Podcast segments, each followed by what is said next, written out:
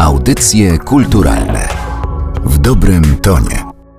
Rozpoczynamy audycje kulturalne, podcast Narodowego Centrum Kultury przy mikrofonie Aleksandra Galant. Wybitny malarz i grafik, enfant terrible świata sztuki, ulubieniec mediów, przewrotny prowokator, wnikliwy obserwator Polski i Polaków. Mowa o nikim innym, a o Edwardzie Dwórniku. Wydaje mi się, że jego sztuka od lat bije rekordy popularności i że posiadanie jego grafiki lub obrazu jest marzeniem wielu kolekcjonerów sztuki. Natomiast nie wiem, czy wszyscy zdają sobie sprawę, jak nietuzinkowym nietuzinkowym człowiekiem był. Wydaje mi się, że to jest bardzo dobre słowo, żeby go opisać, bo pewnie jest postacią niejednoznaczną w wielu aspektach, który nie zawsze jest kimś, kogo warto naśladować. Na pewno jednak był takim kolorowym ptakiem i osobą bardzo dobrze znaną w kręgach sztuki, w kręgach świata kultury, a przy okazji takim człowiekiem z charakterem, który można nazwać po prostu trudnym. Bardzo dobrze wie o tym Małgorzata Czyńska, pisarka, dziennikarka, historyczka sztuki. Jest ona autorką książki Dwórnik, robotnik sztuki.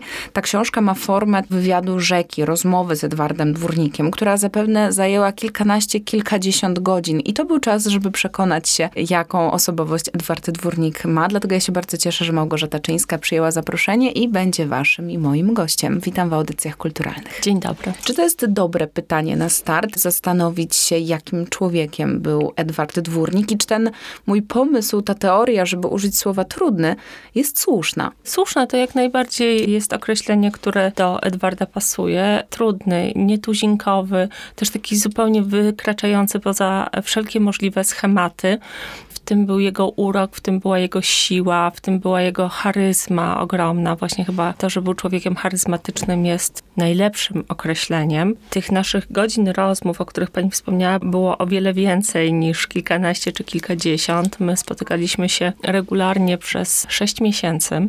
Oczywiście nie wszystko weszło do książki, bo wiadomo, jak to jest przy takich rozmowach. Czasami się odbiega od głównych wątków.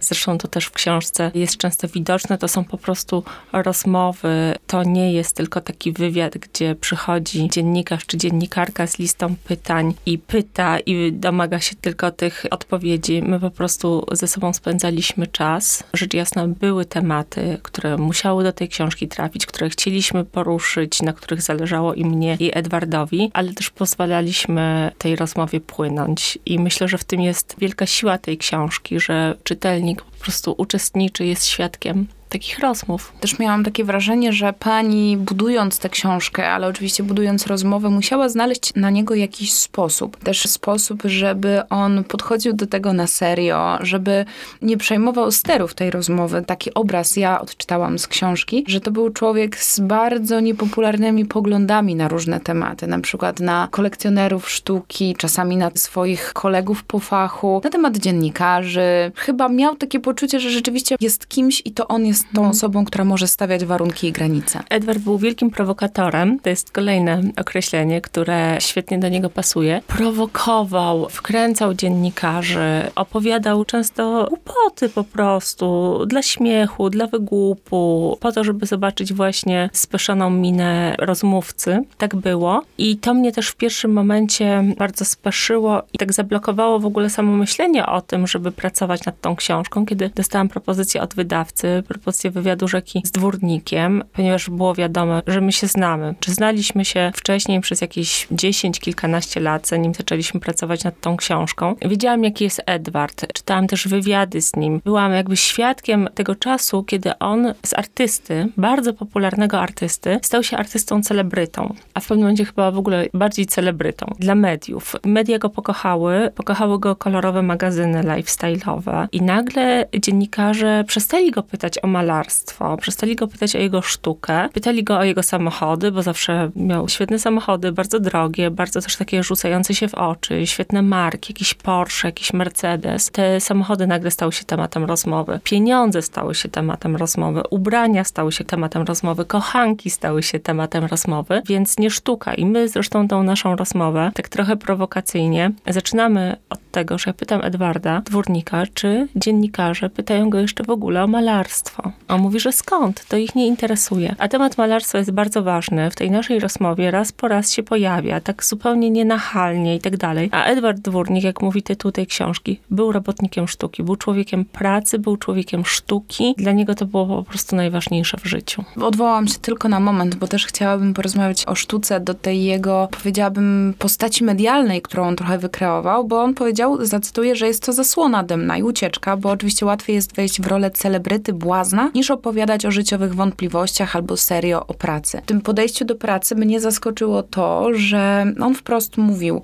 że on swoją pracę dzieli na tę część komercyjną i na sztukę sensu stricte, o której my lubimy mówić jako o czymś wzniosłym, ale on był też człowiekiem twardo stąpającym po ziemi i gro prac stworzył komercyjnie. Był człowiekiem, który uważał, że sztuka powinna artyście przynosić apanarze. Mnie się to bardzo podoba, bo my ciągle zmagamy się z takim mitem, postawą artysty głodującego. I oczywiście tutaj Edward jest takim zaprzeczeniem. To jest przykład artysty, który za swoją dobrze wykonaną pracę, za swój talent, za swój imperatyw twórczy, tych apanarzy się dopracował. Mówiąc o tym, że ma komercję i program i że ta komercja finansuje program, to oczywiście jest w tym duża część prawdy, natomiast nawet to, co uważał za komercję, a od pewnego momentu, przez te kilkanaście ostatnich lat życia, to były obrazy przede wszystkim z miastami, na które zawsze byli chętni. Plac zamkowy namalowany przez Edwarda setki razy. To też były takie jego ulubione tematy, on tego Ulubione nie malował motywy. na siłę. Nie, to nie było malowane na siłę. Ulubione tematy, takie, w którym już mógł właściwie troszkę wejść w rutynę, trochę rutynę przełamywać, bo jednak się starał.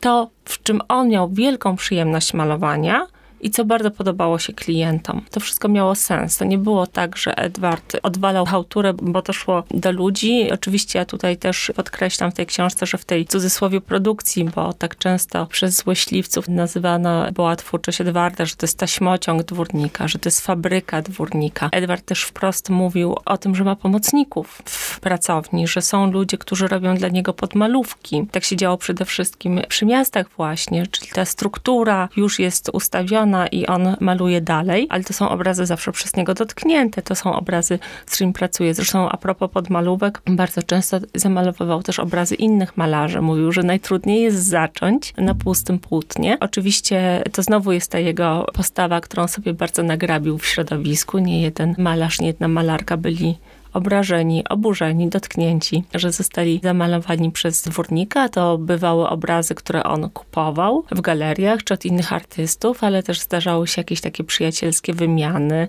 Ja ci dam obraz, ty mi dasz obraz, więc rzeczywiście on jest absolutnie nieszablonowy, ale za każdym razem, w każdej sytuacji po prostu wybija ta potrzeba tworzenia, robienia swojego.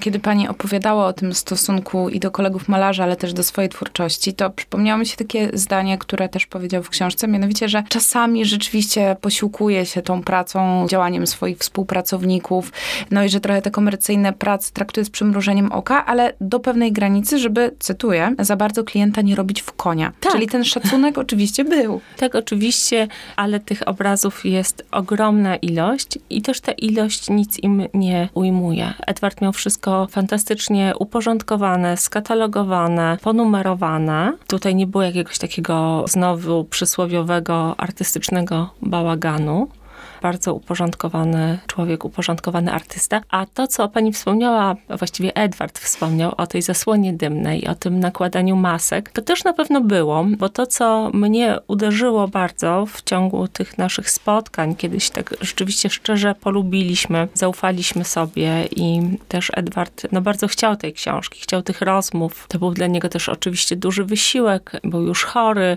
dużo pracował, ale bardzo, bardzo to był dobry czas tych naszych spotkań, samych spotkań. I mnie uderzyło to, że, bo właśnie miałam w pamięci Edwarda z jakichś imprez na wernisażach, król życia, po prostu wspaniały artysta, który rządzi. I właśnie te wywiady do kolorowej prasy, to pogrywanie y, z mediami. A tutaj poznałam bardzo wrażliwego człowieka, często bardzo bezbronnego. Może to też już była kwestia tego czasu, wieku, choroby, o której on zresztą też znowu mówił tak kpiarsko i z przymrużeniem oka. Nie było żadnego rozkliwiania się nad nowotworem i zastanawiania się, ile jeszcze życia zostało. Także to zupełnie nie było w stylu Edwarda, ale tak, rzeczywiście to zdanie o tym, że łatwiej jest założyć maskę błazna niż mówić o swoich rozterkach życiowych, rozterkach twórczych, jest jak najbardziej adekwatna. Zresztą wiele takich wątków, puls i masek odczarowaliśmy. Edward je zdjął. To jak przez lata obrażał środowisko artystyczne, mówiąc na przykład, że w Polsce jest tylko, czy było tylko dwóch dobrych malarzy, w tym ja, i wskazywał na siebie. On mówił, w Polsce jest tylko jeden malarz i wskazywał na siebie. To oczywiście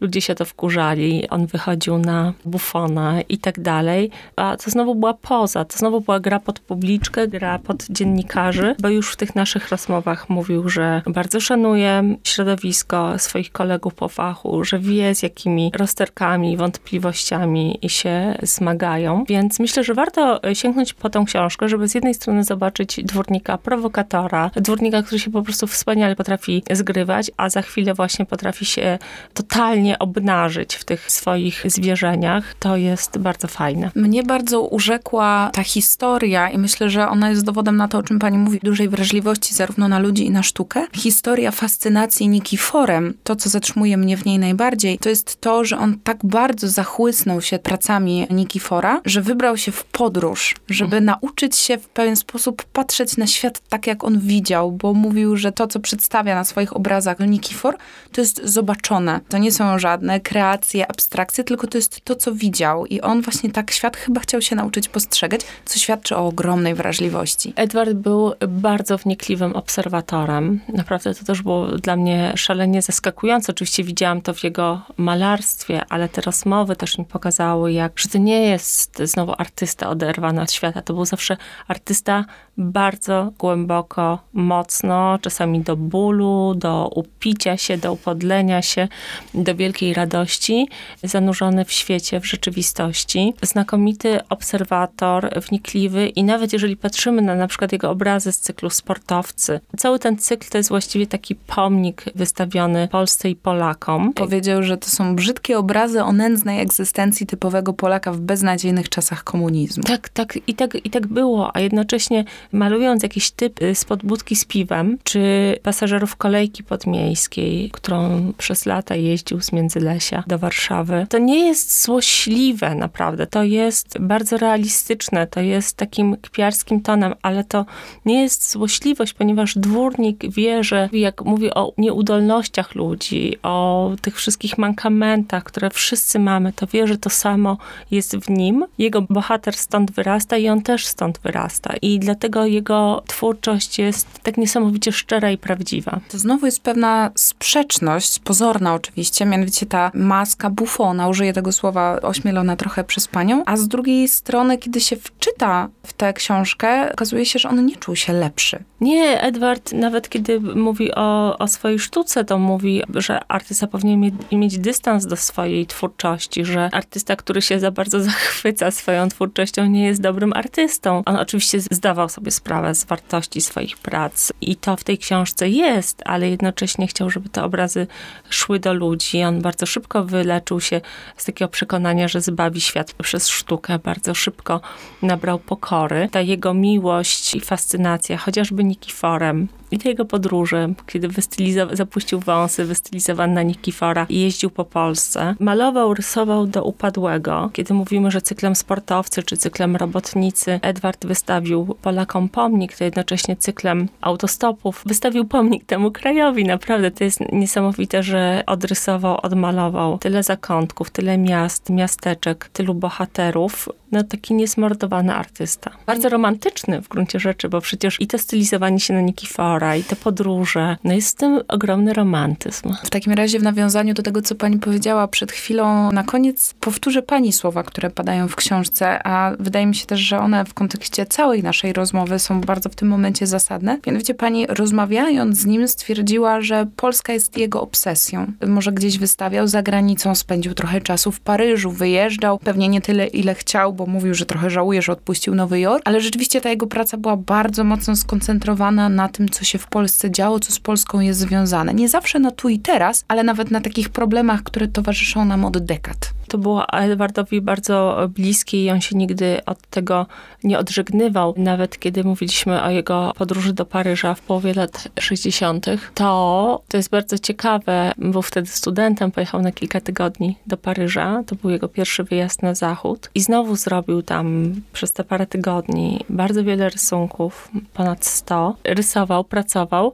Natomiast na tych rysunkach prawie nie ma ludzi. I rozmawialiśmy o tym. On mówił, tak, wsiadałem do metra, uwielbiał paryskie metro. Wsiadałem do metra, byli tam peruwiańczycy z jakimiś piszczałkami, ludzie. To nie było moje. Wsiadał do kolejki podmiejskiej z Międzylesia i to było jego. I rzeczywiście wszystko jest w tych obrazach. Ta typowa nędzna egzystencja czasów PRL-u, ale też wydarzenia stanu wojennego, późniejsze sytuacje. Ostatnio usłyszałam takie świetne porównanie od koleżanki, dziennikarki, że Edward jest w tym swoim malarstwie bardzo podobny do tego, jaki jest Kazik Staszewski w muzyce. To jest bardzo bliskie rzeczywistości to jesteśmy po prostu w tym zanurzeni. To są artyści zanurzeni w rzeczywistości. Więc tak, Edward mówił, jestem lokalnym artystą o lokalnej sławie. Oczywiście ta jego sława wyszła poza Polskę. Był pierwszym artystą, jedynym Polakiem, który w latach 80. wystawiał w Kassel. To był artysta doceniony za granicą. Ta lokalna sława, ta sława tutaj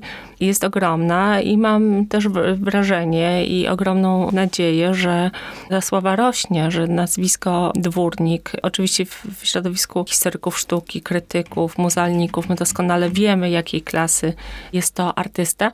Natomiast fenomenem Edwarda jest to, że on wyszedł do szerokiej publiczności. Ludzie, którzy się nawet sztuką nie interesowali albo interesowali średnio, że nagle ten obraz dwórnika stał się trochę takim fetyszem, który trzeba mieć w kolekcji, mieć u siebie w domu i to jest też taka jego ogromna siła. O Edwardzie Dwórniku, wybitnym malarzu i grafiku, ale też nietuzinkowej postaci i osobowości opowiadała Małgorzata Czyńska, pisarka, dziennikarka, historyczka sztuki i autorka książki wywiadu rzeki z artystą pod tytułem Dwórnik, robotnik sztuki. Bardzo dziękuję za to spotkanie. Dziękuję bardzo. Audycje kulturalne w dobrym tonie.